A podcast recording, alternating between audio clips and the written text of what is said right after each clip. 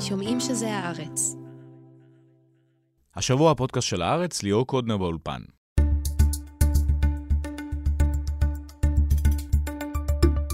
מדי פעם עוד מתפלק לבנימין נתניהו משפט כלשהו על ההפיכה המשטרית, או מה שהוא מכנה הרפורמה במערכת המשפט. אחר כך זה מטוטא שוב מתחת לשטיח, אבל זמין ליום פקודה. עם אמיר טיבון נדבר על האם המוטיבציה לתרדמת הזו היא לחץ אמריקאי והרצון להיות מוזמן לבית הלבן. אילנה שפייזמן תעניק ציון מצוין למחאה, וגם תדבר על המוכנות של המוחים ליום פקודה.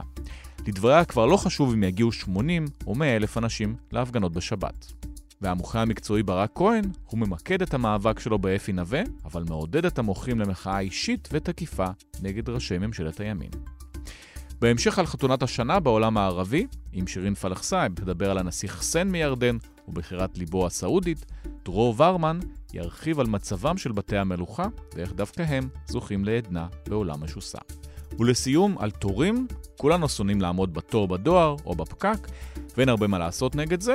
משה חביב חוקר את הפסיכולוגיה של הישראלים שעומדים בתור, וגם את התמריצים שכן יכולים לצמצם את זמן ההמתנה שלנו.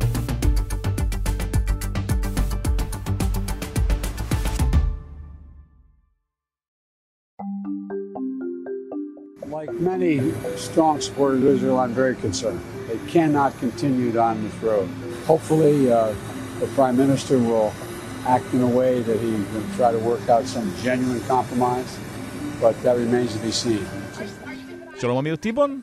היי, מה נשמע ליאור? אז uh, בתפקידך החדש בתור הכתב הדיפלומטי שלנו, בוא נתחיל עם הדיפלומטיה. אז uh, ראש הממשלה נתניהו מחכה להזמנה לארצות הברית. זו הסיבה שההפיכה המשטרית כרגע על hold, או יש סיבה אחרת? יש כמה סיבות, ראינו גם את המחאה בישראל ואת האירועים שהיו בתוך הצבא ואת המצב הכלכלי, אבל כן, גם הלחץ האמריקאי השפיע פה. נתניהו בונה בקדנציה הזאת על אה, סיוע אמריקאי בנושא סעודיה, הוא מאוד מאוד רוצה... הסכם שלום. איזשהו הסכם, אמ, והוא מבין שזה לא יקרה כל עוד הוא לא יכול אפילו להיכנס בשערי הבית הלבן וללחוץ את ידו של הנשיא ביידן, לפחות בשנה וחצי הקרובה, ביידן הוא נשיא ארצות הברית. וזה נותן לו תמריץ מאוד חזק, ואולי גם תירוץ, כי אני חושב שיש סיבות, באמת, לא רק העניין הזה, אבל זה תירוץ מאוד נוח. אבל זה לא נשמע קצת מגוחך שבגלל שמחכים להזמנה, שתכף נדבר מה המשמעות שלה זה, בכלל? זה, זה מעבר להזמנה. יש כאן שכבות יותר עמוקות. בסוף, בלי תמיכה משמעותית של הברית, גם המצב הביטחוני של ישראל וגם המצב המדיני הרחב יותר יכול להידרדר מאוד מהר. וראינו אה, את ביידן בתחילת הקדנציה שלו, שגם אז נתניהו היה ראש ממשלה לפני ההפוגה שנקראה ממשלת השינוי, למשל, אה, מאשר מהר מאוד בקשה ישראלית לחידוש מלאי כיפת ברזל אחרי מבצע שומר חומות. מי אמר שזה יהיה ככה גם בפעם הבאה, אם ישראל עכשיו מתרחקת ממשפחת המדינות הדמוקרטיות? המסר שביידן העביר לנתניהו לגבי החוקים נגד מערכת המשפט, הוא שבעצם זה חותר תחת העיקרון של הערכים המשותפים לישראל ולארצות הברית. הברית שלנו עם האמריקאים מבוססת גם על אינטרסים וגם על פוליטיקה בארצות הברית, שיש לובי פה ישראלי, אבל גם על איזשהו סט של ערכים שישראל אמורה להיות מחויבת אליו. ואם נשיא ארצות הברית בא ואומר, אתם מתרחקים מהמחויבות ההדדית הזאת, זה משפיע. אבל ארצות הברית מעבירה הרבה מסרים לישראל שהיא לא אוהבת את המדיניות של הממשלה, למשל לגבי חומש, לגבי בן גביר, לגבי סמוטריץ', והמסרים האלה, אנחנו כאילו מתעלמים מהם, ולגבי הזמנה לבית הלבן, כי שרה אולי רוצה אה, לבוא לשם, אה, לא מתעלמים. זה לא רק עניין של ההזמנה, כי הפגישה עם הנשיא היא דרך לדון בסוגיות שקשה לפתור אותן אחרת. למשל, בהקשר הסעודי, אנחנו יודעים שהסעודים רוצים לפתח תוכנית גרעין אזרחית, וזה אחד התנאים שלהם כרגע לנורמליזציה עם ישראל.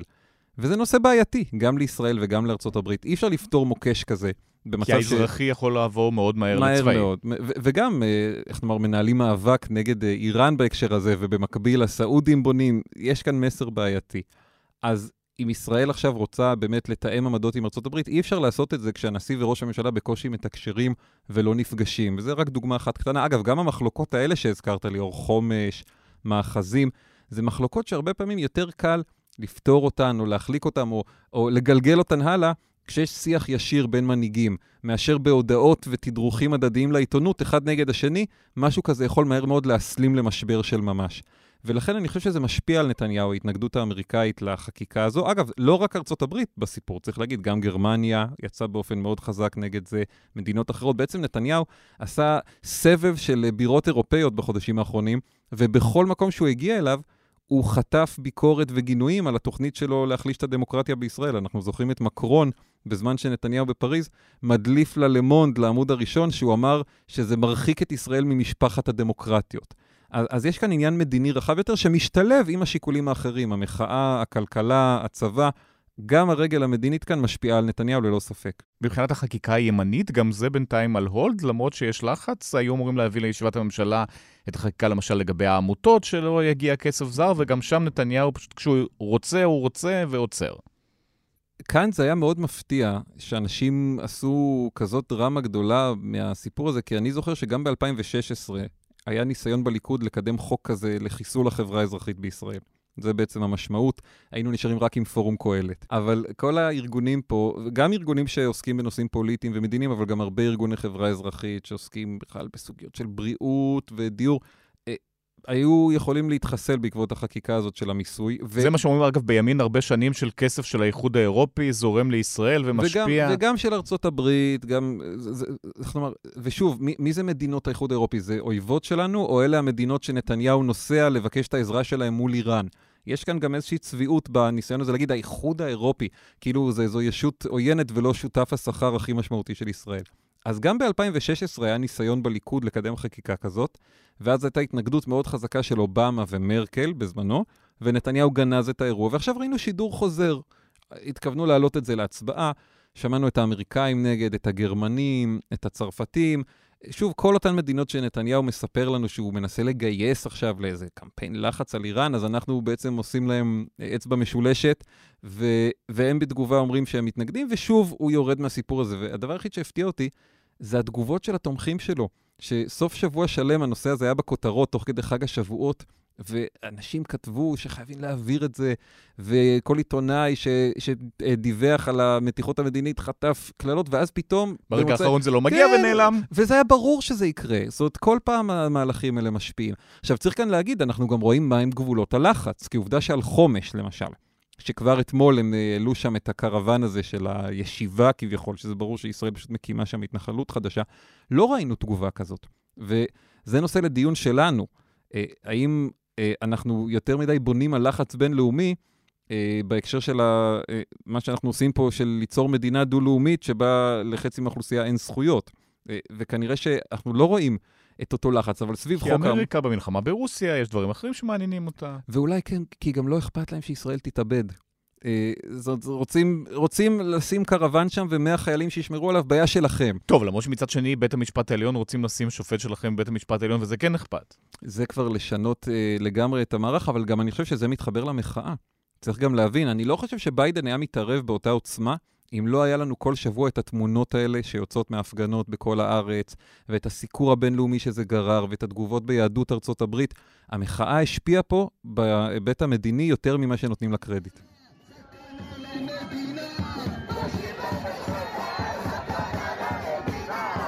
אמיר, אני עוצר אותך בנקודה הזאת. איתנו באולפן כבר יושבים עוד שניים. קודם כל, ברק כהן, איך להציג אותך? מוחה מקצועי? אתה יכול אה, גאון פוליטי, מה שאתה רוצה. אז גאון פוליטי ומוחה מקצועי, וגם אה, דוקטור אילנה שפייזמן מאוניברסיטת בר אילן. את חוקרת אה, סדר יום פוליטי, וסדר יום פוליטי בתקופה האחרונה, מה, בעיקר הפגנות, לא? סדר יום פוליטי הוא לא רק בעיקר הפגנות. מה שנורא מעניין זה שסדר היום התחיל לעסוק בסוגיות של מדיניות שהמוחים מעלים. בעצם אנחנו רואים פה בתקופה האחרונה, בגלל שהמחאה שהתחילה על משהו יחסית נקודתי, הרפורמות במערכת המשפט, לפתע התרחבה לסוגיות אחרות, לתקציב, לחינוך, אה, ואז הציבור התחיל לפתח קשב לסוגיות האלה. וזה בש... לא קצת סלט שבאמת לא ברור במה המחאה מתמקדת, כי כל פעם זה משהו אחר, ובסוף גם התקציב עובר, ממשלת הימין ממשיכה, נתניהו ממשיך, אה, זאת אומרת, השיירה ממשיכה לדור. אז אני חושבת שכאן בדיוק השינוי. אם אנחנו נסתכל אה, ארבעה חודשים אחורה, הייתה באמת תחושה שהכלבים נובחים והשיירה עוברת. המחאות יוצאות, המון המחאות אה, המוניות, אבל הממשלה ממשיכה, מגישה את הצעות החוק לקריאה ראשונה, וכביכול לממשלה לא אכפת מהמחאה. ואז עכשיו אנחנו רואים שינוי, אנחנו רואים שכל פעם שהממשלה מעלה יוזמה כלשהי, המחאה יוצאת כנגד, בואו תראו את uh, חוק הגיוס למשל, uh, או את הסיפור גם של אבי מעוז, שאומנם עכשיו חזר בדלת האחורית או הקדמית, אבל uh, קודם uh, הוא הוצא בעצם מהממשלה במידה מסוימת. המחאה מעלה איזשהו קול, והממשלה מגיבה. עכשיו, זה לא שהממשלה עושה מה שהמחאה רוצה, היא לא מקדמת סדר יום ליברלי. אבל יש איזשהו פינג פונג, את אומרת. יש פינג פונג, והיא לא מקדמת את מה שאולי היא הייתה רוצה לקדם אילולא המחאה. ברק, איזה ציון היית נותן למוחים? אני חושב שהשכבה שיצאה למאבק בסבב האחרון, היא השכבה באוכלוסייה שיש לה אה, כוח מאוד מאוד משמעותי. האליטות. אה, מה זה האליטות? זה אנשים, תראה, בסופו של דבר תיקח, אה, נגיד, את הציבור החרדי, 50 אלף חרדים, נגיד, מספר, סתם מספר באקראי, ותיקח 50 אלף מה, מהציבור שמקיים מחאה. ההשפעה על החיים המשותפים ועל קבלת ההחלטות במישור הכלכלי, יש יכולת להשפיע אצל האנשים. מישור ביטחוני וכך הלאה. חרדים לא נמצאים, הם, יש להם כוח הצבעה להנהגה פוליטית.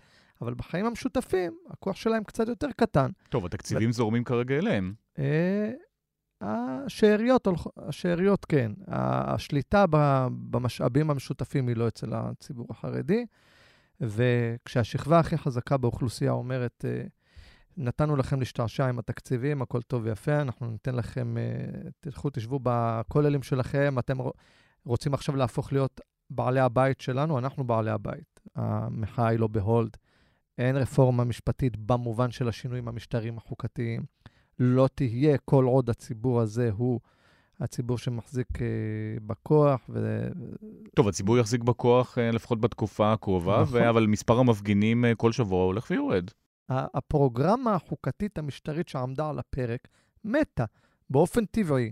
ושזה מת, הלחץ טוב, מתה אבל יכולה לקום. גם לא. יריב לוין, גם שמחה רוטמן מדברים על uh, עוד שנייה זה קם לתחייה. תשמע, הם אנשים פוליטיים שיש ציבור שהם הם קמו והתגאו. אנחנו, מי שנביא את השאיפה רבת השנים uh, לשינוי, תיקון מערכת המשפט, סביב איזה מין uh, סנטימנט שהיה באלקטורט שלהם. הם לא יכולים לצאת סמרטוטים עד הסוף, בוא. אז הם אומרים, כן, זה לא עשה, רק שנייה, כבר זה יבוא, כבר זה יבוא, כבר זה יבוא, כבר זה יבוא, זה, שום דבר מזה לא יבוא. ולא יקרה. מה שהתייחסה גם אה, אילנה וגם אתה, זה לא שיש פה פינג פונג ואיזה מין סלט סביב נושאים. השינוי המשטרי לצורך הדוגמה, כן? שעמד על הפרק מבין ארבעה נושאים היה, היה הסוגיה של פסקת ההתגברות. פסקת ההתגברות, כלומר, אה, לשחוק את כוח הביקורת השיפוטית על, מעל, על דבר, דברי חקיקה והחלטות ממשלה. הכנסת תוכל להעביר הכל, אין ביקורת שיפוטית, בית המשפט העליון לא קובע. נניח, נניח בניסוח הזה, אבל הסוגיה של פסקת ההתגברות התייחסה למאמץ של קבוצה מאוד מסוימת בפוליטיקה המקומית, והיא הציבור החרדי שרצה להשתמש בזה לעניין הגיוס. זאת אומרת שכאשר יש דיון בסוגיה של הגיוס, הוא הדיון היסודי העמוק בשאלה איך אנחנו כחברה מתייחסים לשאלת הגיוס לצבא המשטר. עכשיו, אני מוכרח להודות שאני בסוגיה העקרונית בעד, ה, בעד הציבור החרדי. כלומר, אני... אתה לא רוצה להתגייס. אני א', לא התגייסתי, אבל אני בעד שלא יהיה גיוס בכפייה לצבא המשטר לאף, לאף מר...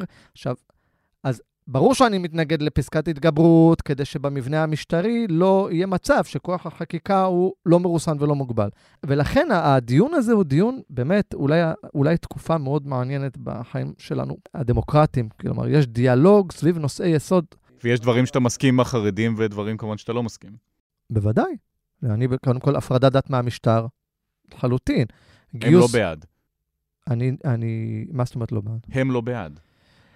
החלק הממוסד שבהם, שזוכה לקצבאות לתת לאלקטורט שלו, לא בעד. אבל מבחינה תורנית, הם היו במקור, מבחינה אידיאולוגית, הם היו בעד.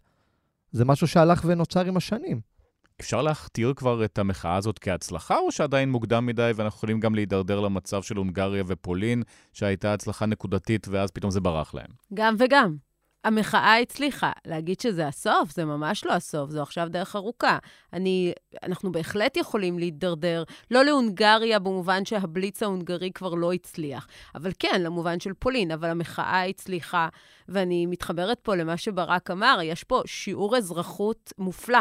לחברה הישראלית. כמו שהמחאה של 2011 עשתה איזה שיעור בכלכלה, אה, לאנשים, ואנשים התחילו לדבר על סוגיות של יוקר מחיה, אז עכשיו המחאה עשתה שיעור נהדר באזרחות. אנשים מדברים על דברים, על הפרדת רשויות, על תקציב המדינה, על עבודת הכנסת. אה, לאנשים יש דעות בנושאים האלה. זה, מבחינה דמוקרטית, אני חושבת שגם אם אה, יעברו חוקים כאלו ואחרים, החברה הפכה להיות הרבה יותר דמוקרטית, הרבה יותר משתתפת פוליטית.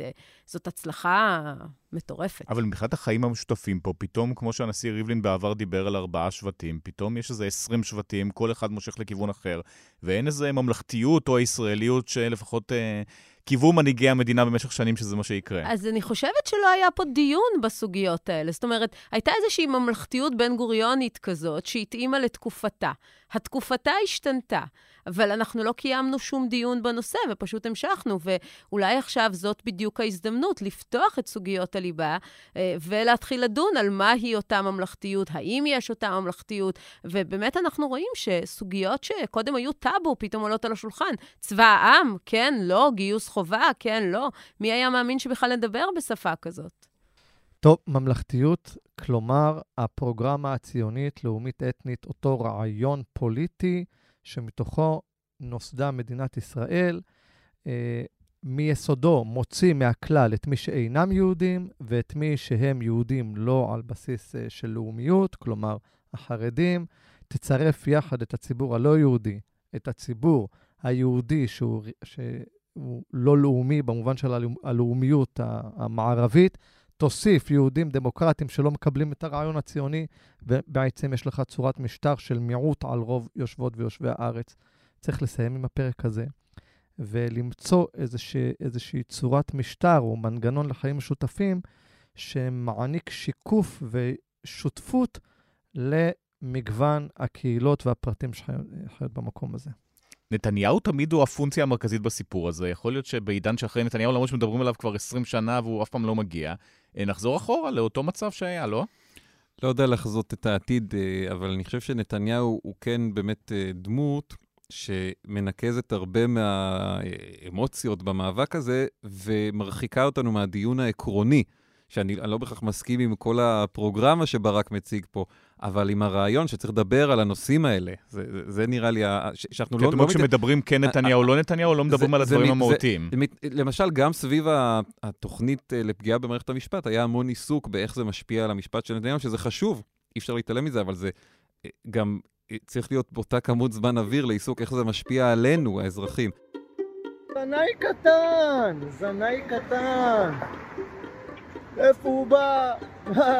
אין לשכה יותר, אין תפקידים ציבוריים, לך תחפש זיונים רק. רק עכשיו המאבק המרכזי שלך זה אפי נווה, גם קשור להפיכה המשטרית באופן אה, יחסי אם הוא חוזר mm. ללשכת עורכי הדין, אבל אה, אתה מתמקד בדברים אחרים, לא? קודם כל, אני בפנסיה. השגרה שלי, העיסוק בעריכת דין, כן. פרנסה טובה, אני מאוהב, בעדי, ומגדל בנחת את סולי. מצוין, אבל חזרת לפעילות. אז זה שירות, גם אני, למרות שלא הייתי בצבא המשטר, אני בשירות מילואים קצר לטיפול באדון אפי נווה, ש...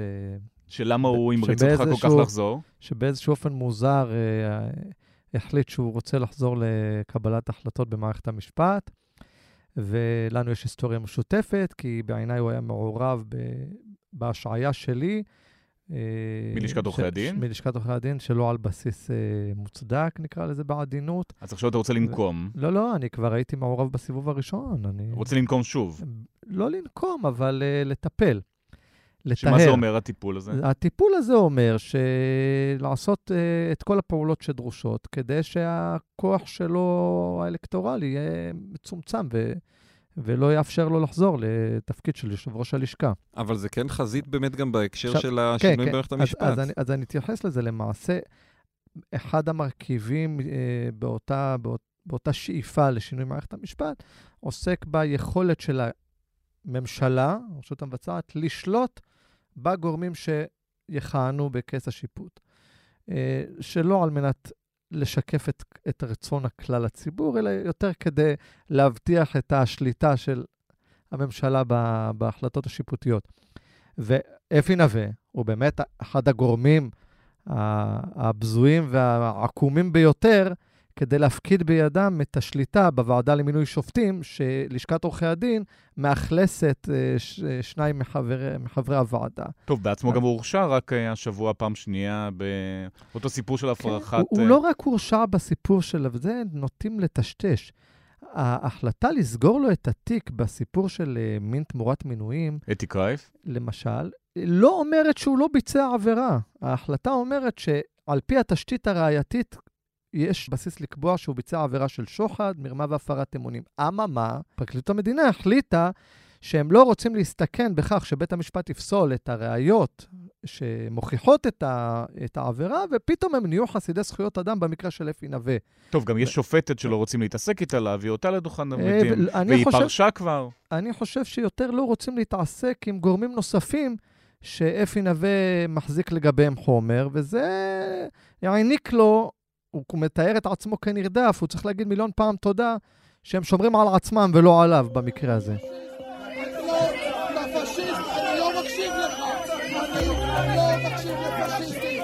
כשהשרים בממשלה מתלוננים על זה שמפגינים מתחת לבית שלהם, רודפים אותם, והם לא מצליחים לתפקד, שמחה רוטמן מגיע מאוניברסיטת תל אביב, בקושי יוצא משם, אז זה השיטה שלך, לא? כן, ברוך השם. אני אה, כן אה, חושב שהייתה לי תרומה מסוימת להתפשטות מודל מאבק של, אה, של פעולה ישירה מול מקבלי ההחלטות. והם גם לא צריכים להתלונן, כי הם בעצמם אה, יישמו את הפרקטיקות האלה בתקופה הקצרה שהם היו באופוזיציה. נגד אנשי בנט בעיקר. ומלאה הארץ אה, ביזוי מוקדי המשטר, ואני, כמי שחסיד של ביזוי מוקדי המשטר כדי לשחוק את כוחו ואת יכולתו להטיל ריבונות נטולת רסן, אז אני חושב שזה אחד מהכלים זה אפקטיבי? זה, זה הכלי הכי אפקטיבי. ברגע שכל גורם שלטוני יודע שהפיקוח והבקרה הם לא רק איזה מין אה, לקקן תחת, סליחה, ששמו אותו מבקר המדינה, שעוד 300 שנה יכתוב איזה דוח שמי יקרא אותו בכלל, אלא עכשיו, בזמן אמת, יישב עליו אזרח ויבדוק למי הוא נתן כסף, מי ילש, ילשינו עליו במרכאות, מה הוא עושה, איפה הוא נמצא. טוב, יושב מתחת לבית זה- שלו, מטריד את הבת שלו או את הבן שלו. בסדר, אבל זה לא כל כך נפוץ במובן של הפעילות, בטח לא הפעילות שאנחנו רואים כרגע. זה באמת אפקטיבי להיטפל לפוליטיקאים עצמם? שמחה רוטמן, יכול להיות שזה יטריף אותו לכיוון השני, שהוא לא מצליח להגיע לשום אה, דבר ולפתוח את הפה, כי מפוצצים לו את הנאום. זה אפקטיבי במובן שזה באמת גורם להם לראות שכל הזמן רואים אותם. אני חושבת שאחת הבעיות במשטר שלנו בישראל זה שאין אה, לנו אחריותיות של חברי הכנסת. הם, הם בעצם, אין, להם, אין לנו אזורי בחירה, אין לנו נציגים. בארצות הברית, כל פעם שאיזה חבר קונגרס מגיש משהו, ישר רצים מיילים, הנה המייל של חבר הקונגרס שלכם, תתקשרו לנציג שלכם. לנו אין נציג. לרוב הציבור אין נציג. יש מפלגה, יש חברי מרכז, אבל אין באמת נציג. ברגע שהוא יודע שפשוט כל הזמן בודקים אותו, מה הוא הצביע, למי הוא הצביע, לאיפה הוא הולך, עם מי הוא נפגש, מגלים את המידע, ההלשנות האלה שברק אמר. כן, זה גורם לך לחשוב פעמיים, אולי כדאי שאני לא אגיד את מה שאני רוצה להגיד, אולי כדאי שאני לא אגיש את הצעת החוק, אז כן, זה אפקטיבי. כשנתניהו מתייצב לצד השרים האלה או חברי הכנסת, זה מניע אישי שעובד שם או משהו יותר עמוק? אני מניח שיש שם עניין אישי, אבל הוא לעולם לא יסכים לקבל השוואה בין התלאות שהוא עבר לבין הוא משהו. שמישהו בכלל ב, בס, ב, במערכת השמש חווה. זה קודם כל.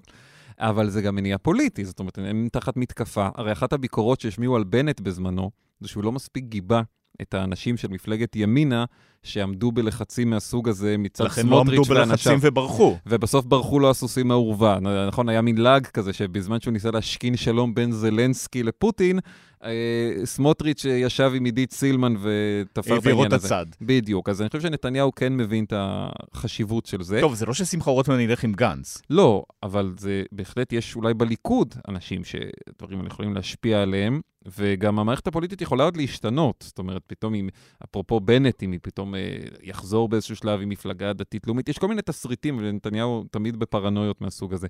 אני כן רוצה להגיד משהו על הנושא של לשכת עורכי הדין, ש, שברק הזכיר גם.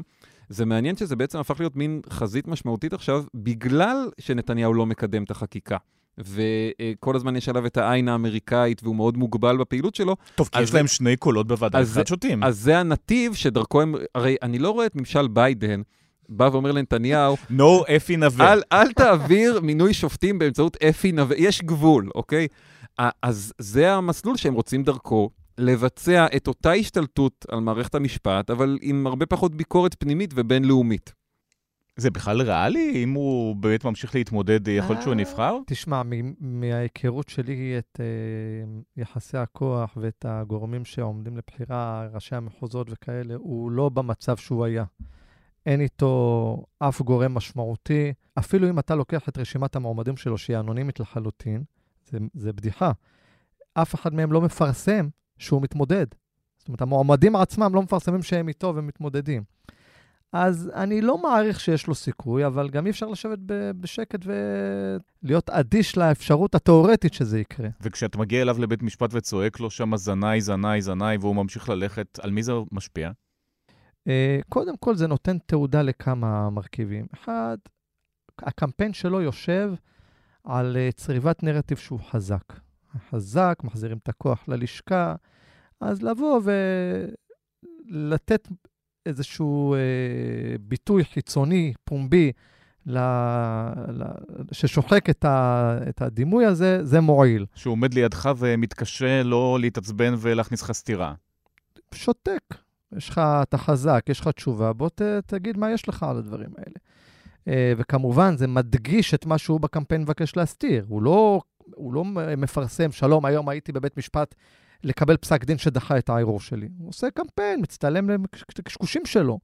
אז זה נותן ביטוי למרכיב הזה, וזה גם, לדעתי, מרתיע, ואני רואה את הביטוי לזה, אנשים מלתמוך בו פומבית. אומרים, עזוב אותי, זה ברק רב איתו, שיריבו ביניהם, אני לא נכנס לזה. אני לא רוצה לזה. להתעסק עם ברק. אני לא נכנס לזה, אפילו לא קשור ללהתעסק עם ברק. יש פה מלחמה בין, ה... בין האדון הזה לאדון הזה, תן לי, אני... אני ניטרלי. אם, אם לא, אם אין את המרכיב הזה, אז מישהו יכול לכתוב פוסט, אה, אחלה אפי, אני אוהב אותו וזה. עכשיו, הוא יגיד, עזוב אותי, את האחלה אפי, אני אכתוב לו בוואטסאפ, עזוב אותי מה... מהמלחמה הזאת, מה אני צריך מחר ברק יכתוב, עליי, על ההוא, עזוב אותי בשקט. אז זה משפיע מאוד. אפי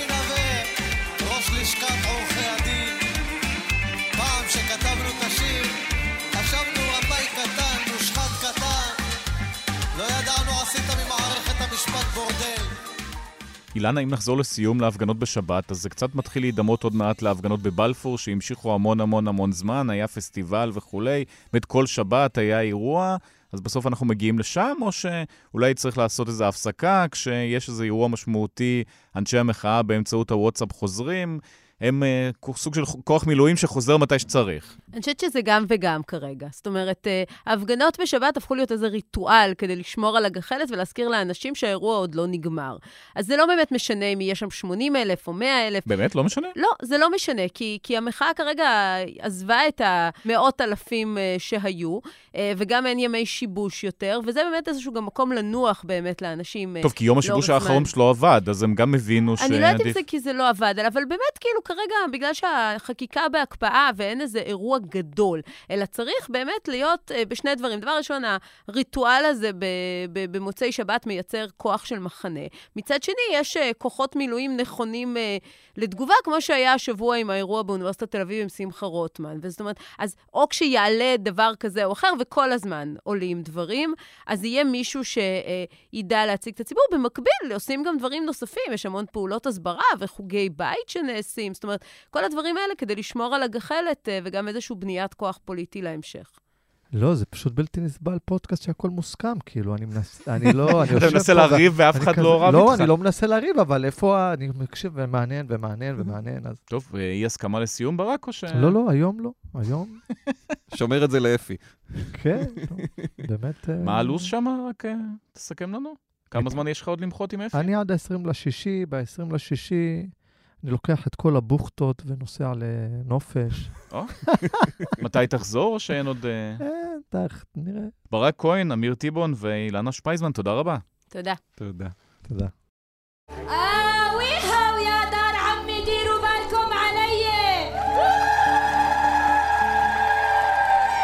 ומהפוליטיקה המקומית לחתונת השנה בעולם הערבי, מהשכנה הקרובה שלנו, ירדן.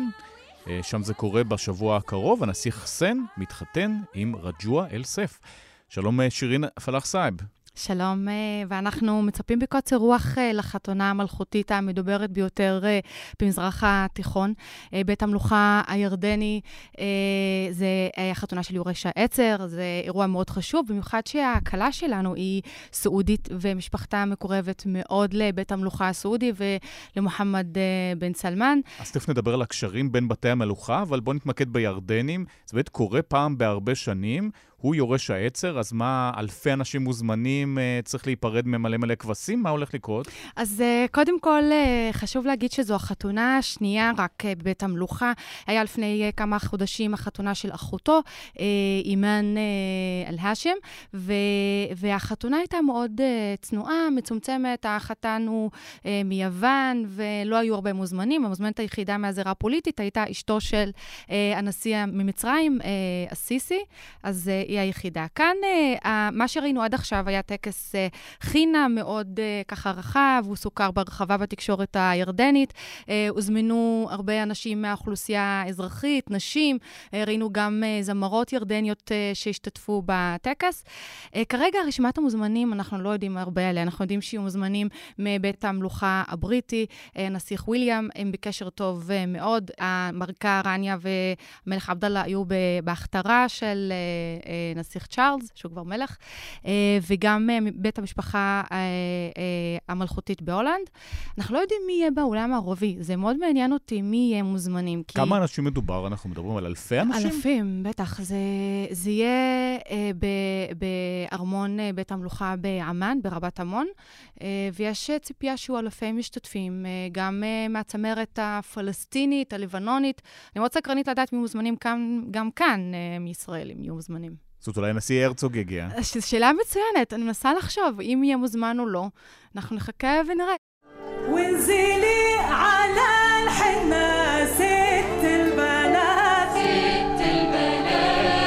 בואו נדבר על בני הזוג, מי הם, מה הם, למה הם חשובים. אז uh, יש uh, לנו את uh, הנסיך חוסיין, תכף אפרט עליו, אבל אני רוצה לדבר על רג'ווה, על סייף. רג'ווה היא בת של אחמד א-סדיירי, משפחה מאוד מקורבת לבית המלוכה הסעודי, כי הסבא רבא שלה היה בתפקידי מפתח פוליטיים, הוא היה בין המייסדים של מדינת סעודיה, וזה משהו שהוא גם, לדעתי, יש פה הקשר פוליטי, זאת אומרת, מי שעומדת מאחורי ה... החתונה והקשר הזה. יש uh, כאלה שאומרים, המלכה רניה שדוחפת לשם. יש כאלה שאומרים שזה הצפוי גם, אפילו שיהיה uh, כלה מהמפרץ הערבי, כי יש פה ראייה שהיא גם קצת uh, פוליטית. של... התקרבות בין ירדן לבין בדיוק. סעודיה, נישואים פוליטיים, בדיוק. גם הדור הבא של המנהיגים, גם מוחמד בן סלמן וגם הנסיך סן. בדיוק, ו- וזה פותח uh, פה גם uh, אופקים שהם יותר uh, מדיניים, במיוחד שעמאן uh, וירדן היא קצת מנותקת ממדינות מפרץ הערבי, ואולי גם על קרניה פה יש לה חלק ורוצה אה, לבנות גשרים שלא היו לפני כן עם הדור העתיד של המלכים. בשלב הזה נצרף לשיחה את פרופסור דרור ורמן, נשיא המכללה האקדמית תל אביב-יפו, שלום. שלום, שלום. אז uh, פוליטיקה ומלוכה זה תמיד הלך ביחד, בעיקר בנישואים, לא? אתה רואה עכשיו שמלוכה הופכת להיות קצת אה, זן נכחד. אז פתאום המלכים האלה והנסיכים האלה, כולם מחפשים אחד את השני. עכשיו, במקרה של מה ששירין מספרת, יש לנו בצד אחד מלוכה חוקתית, בצד שני מלוכה אבסולוטית בעצם. זה לא מובן מאליו שהם יחפשו אחד את השני ביחד בצורה דומה לזאת כמו שהיא מספרת כאן, ועוד ביחד עם הנסיך וויליאם, וכל הנסיכים והמלכים עכשיו, ובית המלוכה ההולנדי, סיפרה שירין. אבל תמיד בתי המלוכה היו קשורים אחד לשני, מריה טואנט הגיעה משם, הרוסים לקחו מפה, כולם התחתנו עם כולם. אז האירופים, קודם כל זה, אני לא יודע מה אנחנו אומרים תמיד, אתה יודע, בית, מוסד המלוכה הוא כל כך עתיק, כל אחד רוצה להקדים את האחרים. אז נגיד, היפנים מתהדרים בזה שכבר ל-2600 שנה יש להם שושלת אחת שנמצאת שם בתור בקיסרות היפנית, אז הם לא היו להם חברים בכלל כשהם התחילו, היו לבד. אה, באירופה זה נכון. זאת אומרת, המלוכה האירופית מחוברת, ובתי המלוכה האירופיים, בעצם הזהות המלוכנית במידה רבה גוברת על הזהות הלאומית, במובן הזה שהם מרגישים מאוד קרובים אחד לשני, וכשמדברים על בית המלוכה הבריטי, לא ברור מי הם בעצם, הם גרמנים, ויש פינה יוונית וכל מיני כאלה. זה נכון. היום, כשאנחנו מדברים על בשיחה הזאת, אנחנו מרחיבים את זה בעצם לכל השליטים האוטוקרטיים בעולם. ואפילו שם לא ברור שזה אוטוקרטיה, כי חלק מהמלוכות האלה שהזכרנו פה הן סימבוליות, הן לא באמת, אין להן כוח פוליטי. ואחרות... הבת של פוטין, אולי נראה אותה מתחתנת עם מישהו מהם? זה לא, לא כל, זאת אומרת, יש לנו היום את, הג, את הדמוקרטיות שהולכות ונהיות אוטוקרטיות, הן לא שייכות לקבוצה הזאת. אלה קבוצה שגם מתהדרת במסורת מלוכנית, ובחלק מהמקומות זה עדיין בא עם אוטוקרטיה מאוד חזקה, באחרים לא. ההולנדים שהוזכרו כאן, אף אחד לא, אין שום משמעות למלוכה ההולנדית. הבריטים פה הם היוצאי דופן, אלה באירופה שהצליחו לשמור על מעמד, למרות שכוחם הלך ואזל במשך 300 שנה, אתה רואה אותו מתנדף. טוב, המעמד בעיקר רכילותי. אגב, גם במקרה הירדני יש הרבה רכילות, למשל לגבי הסבתא, לא? נכון, אה, יש לנו אה, לא מעט אה, שערוריות בבית המלוכה הירדני. קודם כל, הסכסוך המפורסם, שהוא בא והולך עם המלכה רניה והמלכה נור, וזה בגלל כל הסיפור על היורש העצר. I had a visit from the chief of uh, the general staff of the Jordanian armed forces this morning, in which he informed me that I was not allowed to go out to communicate with people or to meet with them. מהאביב הערבי היו ניסיונות של הצעירים גם לעורר מהפכה והפגנות נגד המלך עבדאללה, והיו גם ככה לא מעט אמירות שהנסיך חמזה, אחיו, שהוא היה יורש העצר, שהוא גם מתכוון לעשות מהפכה. ו... ועכשיו הוא בסוג של מעצר בית. בדיוק, הוא בסוג במעצר של בית. המלכה נור כתבה על זה, על, על זה לא מעט ברשתות החברתיות, על האופן שבו הבן שלה מנותק מהאולם, אין לו גישה לאינטרנט, הוא לא יכול לצאת ולהיכנס uh, בחופשיות. Uh, ויש אמירות שככה, פרשנים שאומרים, מי שעמד מאחורי ההחלטה הזאת, להסיר את התואר הזה של יורש העצר מהנסיך חמזה, להעביר אותו לנסיך חוסיין, החתן שלנו, uh, זאת המלכה רניה. זאת אומרת, אנחנו רואים... האימא. שלו, זאת אומרת, היא דאגה לבן. בדיוק, ואנחנו גם לא ראינו, גם בחתונה של אחותו, הנסיכה אימן, לפני כמה חודשים, לא ראינו את המלכה נור, ואני בספק אם תגיע גם עכשיו. אנחנו... זאת אומרת, למרות שהנכד מתחתן, היא פשוט לא תלך לאירוע כי היא עדיין כועסת. כן, אבל חשוב גם להגיד כאן שהסבתא אה, של הנסיך חוסיין היא בכלל בריטית. היא בתו של אה, קצין בריטי שהיה בקשר טוב עם המלך חוסיין, אה, וככה הוא הכיר אותה, התאסלמה, והיא קוראת לעצמה מונה. זאת אומרת, זה גם הקשר עם בית המלוכה הבריטי וכל האהדה הזאת אה, לבריטניה. אבל אם אנחנו נלך קצת, נדבר על הנסיך חוסיין, אנחנו רואים שהאופי שלו הוא שונה לחלוטין מאבא שלו, הוא גדל בתוך uh, התרבות הערבית, uh, המלך uh, עבדאללה לא, לא יודע לדבר uh, ברצף ככה ערבית, הוא תמיד, uh, יש לו קצת מעידות, זה... אנחנו רואים את ההבדל בין שניהם. גם למרות שהכלה כן עם השכלה מערבית, נכון. דואגים שם על הדברים האלה. Uh, לחלוטין, למדה בארצות הברית uh, הנדסת בניין. אבא שלה, דרך אגב, הוא אחד האנשי העסקים המובילים בסעודיה, יש לו uh, חברות uh, לבנייה, uh, אז uh, היא לא עבדה בחברה של אבא שלו, עבדה ב- בירדן, ושם היא הכירה בעצם את הנסיך uh, חוסיין. וזה מאוד חשוב, כן, זה, יש סטנדרטים מאוד uh, גבוהים למלכה רניה, בסופו של דבר זו בחירה שלה, לא רק הבחירה של הבן. היא גם דוברת שלוש שפות, ערבית, אנגלית וצרפתית. Uh, היא רוכבת uh, גם סוסים uh, מקצועית, זה משהו מאוד חשוב. אצולה, אמרנו. בדיוק, לגמרי. זה... ויש לה גם תחומי עניין uh, בציור, תרבות, אמנות. היא אפילו הספיקה לעשות גם שני ביקורים uh, לעמותות אזרחיות, אחד uh, לעמותה בעלי צרכים מיוחדים, ועמותה שנייה לצעירים שהם uh, uh, נכנסים לעולם ההייטק.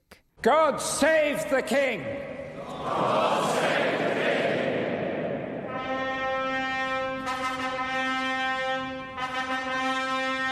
בתי המלוכה האלה פשוט מסרבים למות, לא?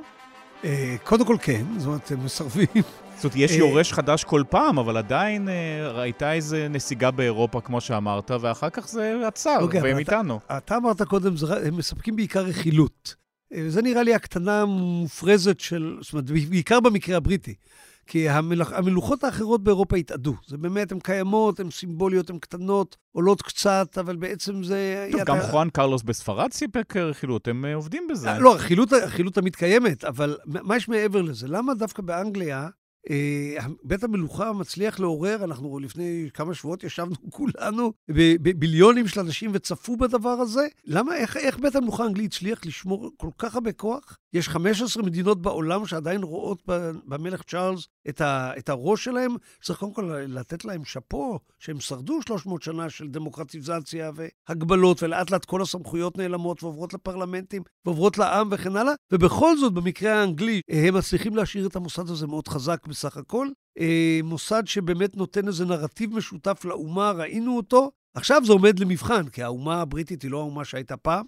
אני חושב שבסך הכל הם אה, מצליחים לא רע. הם מצליחים לא רע, וצריך קודם כל להעריך את זה. ובשאר המקומות בעולם? אה, בש... תראה, אז שוב, בואו נפריד בין אירופה, שבה נוצרה מלוכה אבסולוטית בצורה שאנחנו מכירים אותה. אה, שם בדר... בסך הכל זה... המוסד התאדה, הוא כבר לא קיים. זה שיש לנו את המלכים האלה במקומות שונים, אתה יכול להיכנס למטוס של כלם, והטייס שלך יהיה בין המלוכה הזה, אז אתה יודע, אוקיי, בסדר, זה נחמד. עכשיו הוא עובד כטייס. זה חמוד, זה לא יותר מזה. במקומות אחרים בעולם טוב, יש... טוב, בעולם הערבי בכלל יש פשוט מלא. כן, אבל אלה מלוכות מסוג אחר. זאת אומרת, היום אנחנו עשינו איזה שיפט, שאנחנו לוקחים בעצם אה, מדינות שעומד בראשם, זה יכול להיות סולטן, זה יכול להיות אה, אה, חליף, זה יכול להיות מה שלא יהיה, אנחנו נוטים לקרוא להם היום מונרכיות. זה לאו דווקא בדיוק אותו דבר. למה סולטן ומלך זה לא אותו דבר? תלוי למה אתה מתכוון. אני אשאל אותך, כשאתה שומע מלך, מה אתה חושב? איזה דברים... בעיקר ירושה. בעיקר ירושה? ואצולה. ירושה, אצולה, מעמד, מה עם הקדוש ברוך הוא חלק מהעניין הזה? מי מינה אותו, את, ה, את אותו אדם? מה הכוח שלו? מה הסמכויות שלו? טוב, אוקיי. תכף תדבר גם על האפיפיור. האפיפיור, האם, לא, האם האפיפיור הוא לא פחות מלך מאשר אה, אה, אה, שם זה לא עובר בירושה כי אין ילדים. אוקיי, אז לכן זה, אני אומר, אף אחד מהאלמנטים שאתה אומר הוא לא הכרחי, אה, ויש וריאציות מאוד מעניינות. במלזיה, יש לך איזה מין מונרכיה פדרלית, יש חמישה אה, שליטים שמ, שמחליפים כל, נדמה לי, חמש שנים. יש רוטציה, אתה אומר. יש רוטציה במלוכה. אוקיי, אז זה לא בדיוק עובר בירושה. אף אחד מהדברים שאתה אמרת לא הכרחי. בעיניי דווקא האלוהות הכרחית. זאת אומרת, אני חושב שלהיות מלך, אתה צריך שיהיה לך מעמד טרנסצנדנטי, אתה צריך שבאיזשהו אופן הקדוש ברוך הוא בחר אותך באיזשהו, ואיזשהו אלוהים שלמי הוא, לא משנה כרגע איזה אל אנחנו מדברים אגב, עליו. אגב, בהקשר לכך, אני רוצה להגיד שהשושלת של מלכי ירדן היא ענף אה, מרכזי של השושלת ההאשמית, והם uh, הגיעו גם uh, מהאי ערב, יש לזה גם uh, סיפור שהם קשורים uh, לנביא מוחמד, אז uh, זה משהו שהוא מקביל, אם אפשר טוב, להגיד כך. טוב, גם החיבור למסגד אל-אקצא הוא מאוד משמעותי נכון, בשביל משפחת המלוכה נכון, הירדנית. נכון, נכון. Uh, זהו, אני רוצה להגיד שני דברים. קודם כל, על ה... טוב, דיברנו על הכתרה של המלך uh, צ'ארלס, ופה אני רוצה להגיד שהמלך עבדאללה ומלכה רניה הגיעו יומיים לפני, והמלכה רניה הייתה עם שמלה צהובה וכובע מאוד uh, ככה דום בסגנון הבריטי, והיא אפילו התראיינה לתקשורת הבריטית, והיא סיפרה על הקשר המיוחד שלה עם המלכה אליזבת, שהיא פגשה אותה בתחילת uh, דרכה, והמלכה אליזבת נתנה לה עצה שהיא מלווה אותה עד היום. היא אמרה לה, you should pay attention for the small details, וזה משהו שהיא עושה אותו אחד לאחד בבית המלוכה הירדני, כל הפרטים הקטנים, מההליכה של הכלה שלה עד אה, הפרטים הקטנים בחתונה, הפרחים, הקשר המיוחד שלה עם אה, העם הירדני, זה משהו שהיא מיישמת אותו. מבחינת ו... החיבור לעם, באמת להם חשוב השמלה הצהובה ושיש לה כל כך הרבה כסף להוציא, כשלנשים אין מה לאכול? אה, לא, אבל זה משהו שהוא יחסי ציבור, בסופו של דבר. היא עושה גם הרבה יחסי ציבור. אבל ראינו בהיסטוריה, ציבור. לפעמים כשהמלכה יותר מדי מעצבנת ועולה על האנשים, יש, אז זה עורפים את ראשה. נכון, יש עליה לא ב, מעט ביקורת. Uh, המלכה uh, רניה, קודם כל, uh, ב-2007, ב-CNN היא נתנה uh, רעיון מאוד חזק, עם אמרות, uh, אפשר להגיד, ליברליות פמיניסטיות, שהיא אמרה על החיג'אב, שהיא לא מתנגדת לנשים שיעטו חיג'אב על הראש שלהם, אבל רק במידה וזה מבחירה אישית ומרצונן, ולא בכפייה. אמירה מאוד פמיניסטית, בניגוד לעם. ולא רק זה, זה מאתגר מאוד את הממסד הדתי בתוך ירדן. ירדן נחשבת כמדינה מאוד שמרנית, והמלכה רניה באה לאתגר לא רק את השמרנים, גם את הממסד הדתי. I personally think that Islam in, of, in and of itself does not subjugate women and does not hold them back. I think that a lot of uh, men, in particular, uh, choose those interpretations in order, in order to validate um, and justify their own conservative, traditional, and sometimes chauvinistic uh, attitudes. זה ממש מעניין, כי השאלה הזאת של השמרנות, קודם כל המוסד הזה בנוי על שמרנות.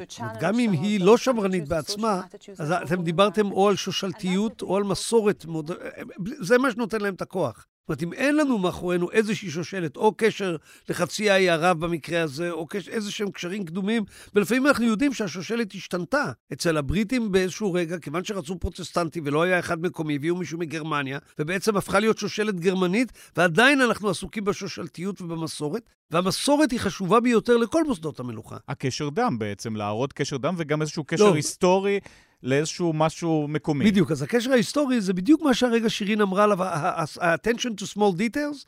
אז איך יודעים איך לעשות uh, הכתרה? ראינו עכשיו, ישבנו כולנו וראינו טקס מפורט. הטקס הזה 75 שנה לא התקיים. אף אחד שתכנן את זה לא היה בקודם. אז איך בכל זאת יודעים את זה? בטח אוקיי. יש אוקיי, פרוטוקול. יש פרוטוקול מהמאה ה-14. יש פרוטוקול שנמצא בווסטמינסטר אבי מאות שנים, ועכשיו צריך לעשות לו שינויים, אבל קודם כל זה כתוב. מה היחס של האוכלוסייה, גם בירדן, גם במדינות ערביות אחרות, כלפי המלך? זה עדיין יראת כבוד ואיזושהי מסורת ישנה, או שמתחיל איזשהו סוג של ערעור גם? אה, פה חשוב להכניס את בתי המלוכה בעולם הערבי גם בהקשר אה, אה, מדינות מזרח התיכון, הן לא מדינות דמוקרטיות, לא ירדן ולא סעודיה. גם לא והמלך, מרוקו. ולא מרוקו, והמלך הוא ה, ה, האיש היחיד, היחיד בסופו של דבר שקובע את המיניות. נכון שיש פרלמנט ירדני, אבל בסופו של דבר מי שמשרטט את המדיניות של ירדן, את הפוליטיקה, ומה כן ומה לא, זה המלך. אם הוא קובע משהו אחד, אז... שלילת אזרחות, למשל, בסופו של דבר, מי שיקבע את השלילת אזרחות זה בית המלוכה. אז uh, אני, אני לא, לא רואה שיתפרקו בקרוב uh, בתי המלוכה, בטח לא בסעודיה ולא באמיריות ובטח לא בירדן. אנחנו גם ראינו מה עשה uh, מלך עבדאללה ברגע שהוא הרגיש שהולכים לעשות מהפכה. לא היה אביב ערבי, לא בירדן ולא באמיריות. המלך יודע לשמור טוב מאוד על עצמו בהקשר למדינות מזרח תיכון ומפרץ הערבי. כן, אז זה באמת מאוד שונה מהמלוכות האירופיות, כמובן, מה שאת מתארת. אני סקרן דווקא לחזור למה שסיפרת קודם, על, ה, על הפמיניזם של המלכה, ואיך הוא, הוא משתלב בתוך אה, עולם שמרני, ואיך זה מתקבל. וזה דומה בעיניי, במידה מסוימת, לעמדה של המלך צ'ארלס בנושא כדור הארץ ומשבר האקלים וכן הלאה, שהיא עמדה אה, צעירה, היא עמדה אה, לא שמרנית, היא עמדה מהפכנית, הוא בעצמו כתב פעם ספר שהוא קרא לזה מהפכה, טוב, הוא נחשב פעם תימוני בנושא הזה, אחר כך הוא uh, נכנס יותר ל... Uh, כן, אבל היום, כל פעם שמספידים אותו, אני חושב, הוא היחידי שמדבר את השפה שמעניינת את הצעירים בנושא הספציפי הזה. אין לו את הכוח שיש במקרה הירדני, הוא לא באמת יכול, הוא צריך לפעול הרבה יותר בעדינות, אבל זה באוזן שלי נשמע קצת דומה למלכה פמיניסטית. אני מסכימה איתך. Uh, נזכיר שהמלכה רניה חזקה מאוד ברשתות החברתיות, בטוויטר, בפייסבוק וגם באינסטגרם, והיא מנסה באמת להגיע ללב של הדור הצעיר, כי היא מבינה לרוחו. המלכה רניה, בשונה גם ממלכות העולם הערבי, היא מלכה ויש לה השפעה, והיא נכנסת והיא מגייסת גם את הדור הצעיר אליה, והמסרים שלה מחלחלים אה, לתוך החברה הירדנית הצעירה.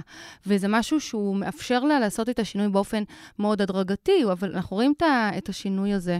אגב, גם בסעודיה אנחנו רואים פתאום אה, תנועה למען הנשים, גם אה, מוחמד בן סלמן אה, לא מונע את זה, אלא הפוך, הוא מקדם זה, רפורמות. זה נקרא feminism washing, sport washing. מוחמד בן סלמן הוא לא באמת uh, פמיניסטי, ואנחנו לא רואים את האישה שלו אפילו. ומעבר לכך, נגיד, למשל, ניקח את האמיריות, יש את השגרירה מהאמיריות.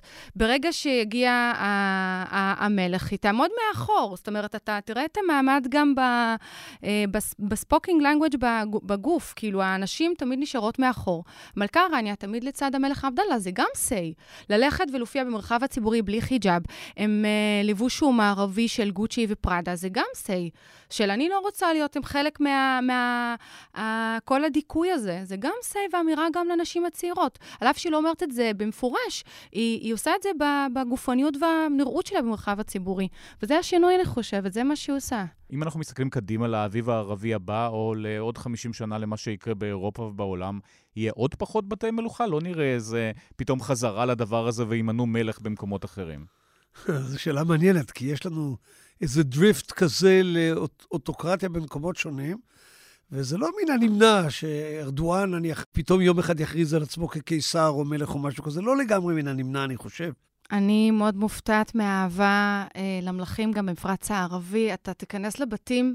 אמיתית? באמיר- אהבה אמיתית? זה, אני, אני, אני, נראה לי, הם, הם, יש איזשהו חיבור, זה אולי אמיתי, אבל אתה רואה את ההתנהלות בדיילי לייף, אתה שואל אותם, מה עושים לכם? הם מספקים להם ביטחון, לא מדברת על הירדן, אבל באמיריות ובבית המלוכה הסעודי, אה, לפחות, ב, מדברת על המעמד הבינוני הגבוה, הם חיבור מאוד אה, הדוק, וההערצה, האהדה, אצלנו, אחרי ההכתרה, היו סטודנטים שבאו ואמרו, זה מה שחסר בעצם במדינת ישראל היום, זה מלך.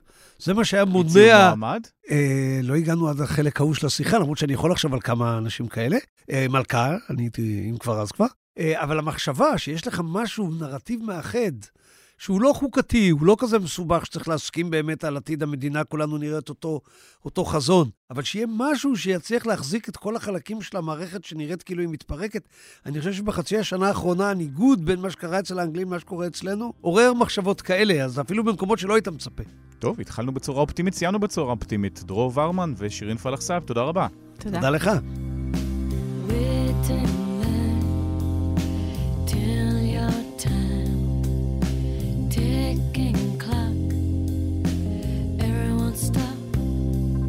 אנחנו מסיימים עם מה שישראלים הכי הכי שונאים אולי בעולם, זה תורים. אנחנו עם פרופסור מריטוס משה חביב, לשעבר באוניברסיטה העברית, היום באוניברסיטה הסינית של הונג קונג בשנזן, שלום. שלום וברכה. אז אני מניח שכולם שונאים תורים. אה, למה אנחנו אוהבים לדבר על זה שהישראלים שונאים את זה במיוחד? הישראלים כנראה, כשהם עומדים בתור, הם גם מסתכלים ימינה ושמאלה, כן? והם רואים שהם גם צריכים למצב את עצמם. טוב, לראות שלא עוקפים אותם. שלא עוקפים אותם למשל, כן, ואולי אפילו להיצמד למישהו, אם הוא מכיר מישהו בתור, להיצמד אליו ולהיכנס יחד איתו, זה גם כן עושה לו קצת טוב. Brian? Hey, Hi. Krista. Oh, uh, uh, Krista yeah. Ferguson. See what's going on over here? No. Yeah, I'm sorry, I, I didn't recognize. She's doing a chat and cut. So Chat and cut? Really? So she's she was- feigning familiarity with someone she vaguely knows for the sole purpose sure? of cutting in line. 99 times out of 100, that's going to work. Unfortunately, I happen to be on the line, so... תורים זה דבר מאוד מאוד אנושי, אבל זה פשוט כל מה שמנסים לסדר שם עם התורים לא עובד. מנסים, יש הרבה פעמים, יש, יש קצת בכל זאת אה, הצלחות, אה, שומרים על הסדר, אולי חלק מהמורשת הבריטית, ש, ששם יש אפילו טוענים שהם אוהבים, אוהבים לעמוד בתור. אה, אבל מאחר ומדובר בדבר שהוא בלתי נמנע, אז למה אנחנו... בלתי נמנע? אם היינו יכולים באיזשהו עולם לעשות כזה סדר כזה, להגיד, אתה תבוא ב-10 ורבע, וההוא יבוא ב-10 ו-18, וגם נוכל לדאוג שהשירות יהיה בדיוק שתי דקות, ולא תהיה איזשהו שינוי, לא יהיה איזשהו פיזור, בעולם אידיאלי כזה יכול להיות שהיינו מצליחים להימנע מתורים. טוב, דווקא דיגיטציה לכאורה אמורה לעבוד על זה, גם בקופת חולים, משרד הפנים, גם בדואר. אז גם שם אה, אכ- אכן רואים את זה. אבל בהרבה פעמים יש, אה, יש את העניין האנושי. אני, אני יכול לספר לך שממש בשבוע שעבר הרופא שביקרתי התלונן בדיוק על הגורם האנושי, זאת אומרת תופעת ה-no-show. זאת אומרת, קובעים תור לרופא, לא מגיעים, ואפשר היה לקבל באותו זמן מישהו אחר. בדיוק ככה, ואז uh, התור, הממ... זה תור שהלך לאיבוד, ואז הזמן הממוצע שאנשים ימתינו במקום חודש זה חודשיים, כן? ולכן... טוב, גם היה- שם הטכנולוגיה אגב נכנסת, כי אתה צריך לאשר את התור ויש כל מיני דברים כאלה, אני אתה- מניח שזה עוזר. אז, נכון, אבל למשל, גם אותו רופא הציע שאולי נקנוס מישהו שמבצע no-show, אם אנחנו נקנוס אותו, יכול להיות שבפעם הבאה הוא יחשוב שלוש פעמים לפני שהוא עושה את זה, ולכן אם, אם היום נניח no-show יש אחד לחמש, אז אולי זה יהפוך את זה לאחד לחמש עשרה. הרעיון כאן זה ש... שיש איזשהו מחיר לזה שאתה לא מגיע. המחיר, ויש גם מחיר לאחרים כשאתה ממתין בתור. זאת אומרת, האדם שממתין בתור, הוא גורם נזק לאחרים. מה זאת אומרת? ברגע שאני עומד בתור, אז מי שנמצא מאחוריי ומאחורי אחוריי, הוא סובל, אני גורם לו סבל, הוא היה מאוד שמח אם לא, אם לא הייתי אה, מגיע. עכשיו, מה, מה, מה שקורה בדרך כלל זה שאותם אנשים שממתינים בתור, אותם אלה שהחליטו, עשו כל מיני שיקולים לפני שהם הצטרפו אה, לתור. אבל הם לא הכניסו בחשבון את העובדה שאחרים יחכו גם להם, כן? טוב, זה לא אכפת להם. בדיוק, זה לא, זה לא אכפת להם. יש כאן השפעה חיצונית. כשאני ממתין, אני משפיע גם על אחרים. בואו נסדר איזשהו מנגנון כזה שהנזק שאתה גורם לאחרים ייכנס לתוך המשוואה שלך. וזה תמיד בכסף? למשל בכסף, כן, ואז על ידי זה שאתה תש- תשלם את ה- נניח את עלות ההמתנה, יכול להיות שיהיו כאלה יותר ויותר כאלה שגם יחליטו בסופו של דבר שלא להצטרף לתור רק בגלל התשלום הזה. זאת אומרת, כך- אני מרגיש קצת לא טוב, אני לא אלך לרופא, כי אה, אם אני לא אבוא, יהיה לי 50 שקל קנס. כן, בדיוק, ולכן, אני, ולכן פחות, או, או אפילו אנשים שמצטרפים אפילו לפקק. אם אתה נוסע לעבודה, אולי אתה תוכל, ת, ת, תסכים לשלם את אגרת הקוד, הגודש. זאת אומרת, אגרת גודש זה בדיוק אותו רעיון. בדיוק, בדיוק אותו רעיון. אבל אם אתה נוסע רק כדי לפגוש חברים או לשתות כוס קפה, אז אתה אומר, טוב, זה כבר לא שווה לי. האמת היא שיש דווקא אולי, יש טוענים שיש כאלה שדווקא רוצים אה, להגדיל את התור, כן? יש גם כל מיני תיאוריות קונספירציה מהסוג הזה, שלמשל, רואים תורים ארוכים להצבעה. כן, נניח בארצות הברית זה מאוד, מאוד רואים את, את התורים תמיד האלה. מצלמים את זה. כן, כן. אז בוא נניח שאתה אחראי על אה, אה, מתחם של קלפיות באיזושהי שכונה, שאתה יודע שהבוחרים שם הם לא בדיוק אה, בוחרים במפלגה שלך. אתה אולי תחפש כל מיני דרכים לגרום לכך שהתור בקלפי יהיה ארוך. לאחרונה אפילו הייתה איזושהי הצעת חוק, לא, לא יודע אם היא עברה או לא, באחת ממדינות ארצות הברית, אה, לאסור אה, כיבוד לאנשים שממתינים. זאת אומרת, אם היו מביאים להם קולה ופיצה בזמן... תוך כדי המתנה? תוך כדי המתנה, כדי להקל על ההמתנה, מה שבעקיפין אה, מזמין יותר שיצטרפו. אז אם אתה רוצה שאנשים יצטרפו לתור, אז תתן להם פיצה. למשל, הבחירות בארצות הברית בשנת 2000 הוכרעו אה, על ידי 500 קולות האחרונים בפלורידה, ויש הרבה תיאוריות קונספירציה על זה שבמדינה הזו אה, דאגו, למשל, אולי איזו מכונת אה, הצבעה שהתקלקלה, אולי לא כל כך דאגו לתקן אותה, ועל ידי כך ה- ה- התור התארך. אדם בא, רואה שהתור ארוך. לא שווה. או, או לא שווה לו, שלוש שעות, לא, לא כדאי לו. ו- וככה, כשאתה מגיע, מדבר על מיליוני מצביעים, מספיק אם הצלחת כ- כמה אלפים ואלפים שאתה מכוון אליהם, אתה יכול להשתמש שוב בתור כ- כשיטה לרגולציה, אבל שדווקא תור ארוך שישרת אותך. שוב ריב על תור, שוב מכות, שוב אש מתלקחת, הפעם בסניף של חנות הקולבו ביג שופ באשדוד. מבחינת הפסיכולוגיה וגם מבחינה חברתית, אם הממשלה הייתה עושה משהו חינוך, איך לעמוד טוב יותר בתור בישראל, לא לעקוף, זה יעזור? אה, תראה, חינוך אכן יכול לעזור, יש איזה כללי התנהגות של אנשים. אנשים לא תמיד, אה, יש להם התנהגות שהיא אה, 100% רציונלית, הם עומדים בתור, הם לא מסתכלים ימינה-שמאלה, הם לא עוקפים הם, הם לא חייבים לעקוף, אה, ככה שלדעתי זה בהחלט אפשרי. במדינות אחרות דברים, זה קורה, אז אין שום סיבה, אין שום, שום סיבה ש... אה, אה, שכאן זה, זה לא יקרה. אני גם, אני לא חושב שהישראלים הם אה, עם שמשהו בגנים שלהם הם שונים מאחרים. יש אז מה- מה לא אה, עובד פה? יש עניינים התנהגותיים שעם השנים הן נוצרות נורמות, והנורמות האלו כנראה אה, משתרשות, והיינו אולי רוצים לחפש דרכים לשנות אותן. כשאתה עומד בתור, במה אתה שונה ממני? כשאני עומד בתור, אני, ההבדל ביני לבינך זה שאני מנסה קצת אה, להסתכל ימינה ולשמאלה ולראות איך אנשים מתנהגים. ל- ל- מסביב, במיוחד לא. מאחוריך. כן, לא, ממש בפעם האחרונה שהייתי בנתב"ג, למדתי משהו מזוג, שהם שניהם עמדו בנפרד, בשני תורים נפרדים. לראות מי מגיע יותר אה, מהר. ומי שמגיע יותר מהר. ואז רצים אליו. הגיע, כן, במקרה. טוב, זו שיטה ידועה. אה, אוקיי, רק בש- עכשיו. אז זהו, בשבילי זה, בשבילי זה היה חדש, אולי אני נוסע יותר מדי לבד, ולכן אה, רק עכשיו שמתי לב לזה. כן, תראה, בני, בני אדם הם אנשים שמאוד משווים את עצמם לאחרים. אתה, אתה יודע, אין, אין אף אחד עני, כן? יש מישהו אחר שהוא עשיר, מה שהופך אותי לעני. אז גם, גם שם, כן, כן. יש, גם בתורים יש, יש אנשים מסתכלים ימינה-שמאלה. אז בתור תחביב אתה הולך לעמוד בתורים כדי לעשות את המחקר הבא? בשבילי זה מקצוע, כן? ברור, לכן אני שואל. לא, יכול, יכול, להיות שגם, יכול להיות שגם לזה נגיע. פרופסור אה, משה חביב, תודה רבה. תודה רבה לך, בהחלט היה נעים.